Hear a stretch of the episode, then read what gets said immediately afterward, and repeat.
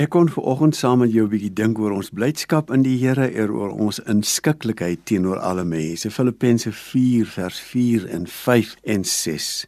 Nou ek lees net verder: Wees inskikkelik teenoor alle mense. Die Here is naby.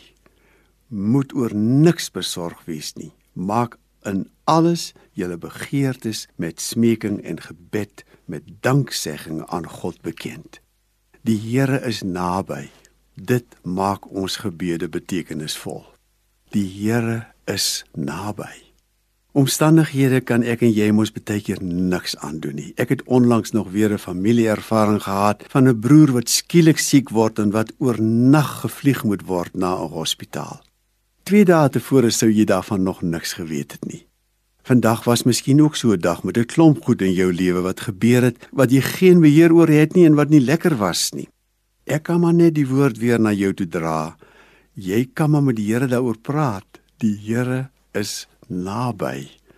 Dit maak ons gebed en ons smeking betekenisvol. Nie dat ons altyd ons probleme opgelos kry nie en veral nie dat ons dit dadelik opgelos kry nie, maar ons praat met 'n Here wat naby is. Hy weet. Hy verstaan. Hy voel intens omdat hy ons liefhet en dit maak ons gebede en ons smeking betekenisvol. Ons praat met iemand, God, Vader, Seun en Heilige Gees wat regtig naby is.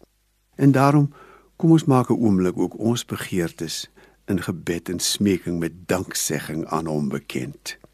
Ons Here, ons dankie vir hierdie dag.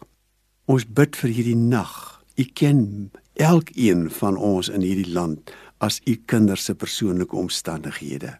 Dankie dat u naby is.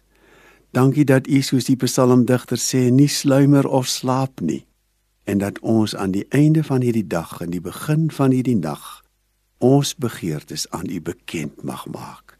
Amen.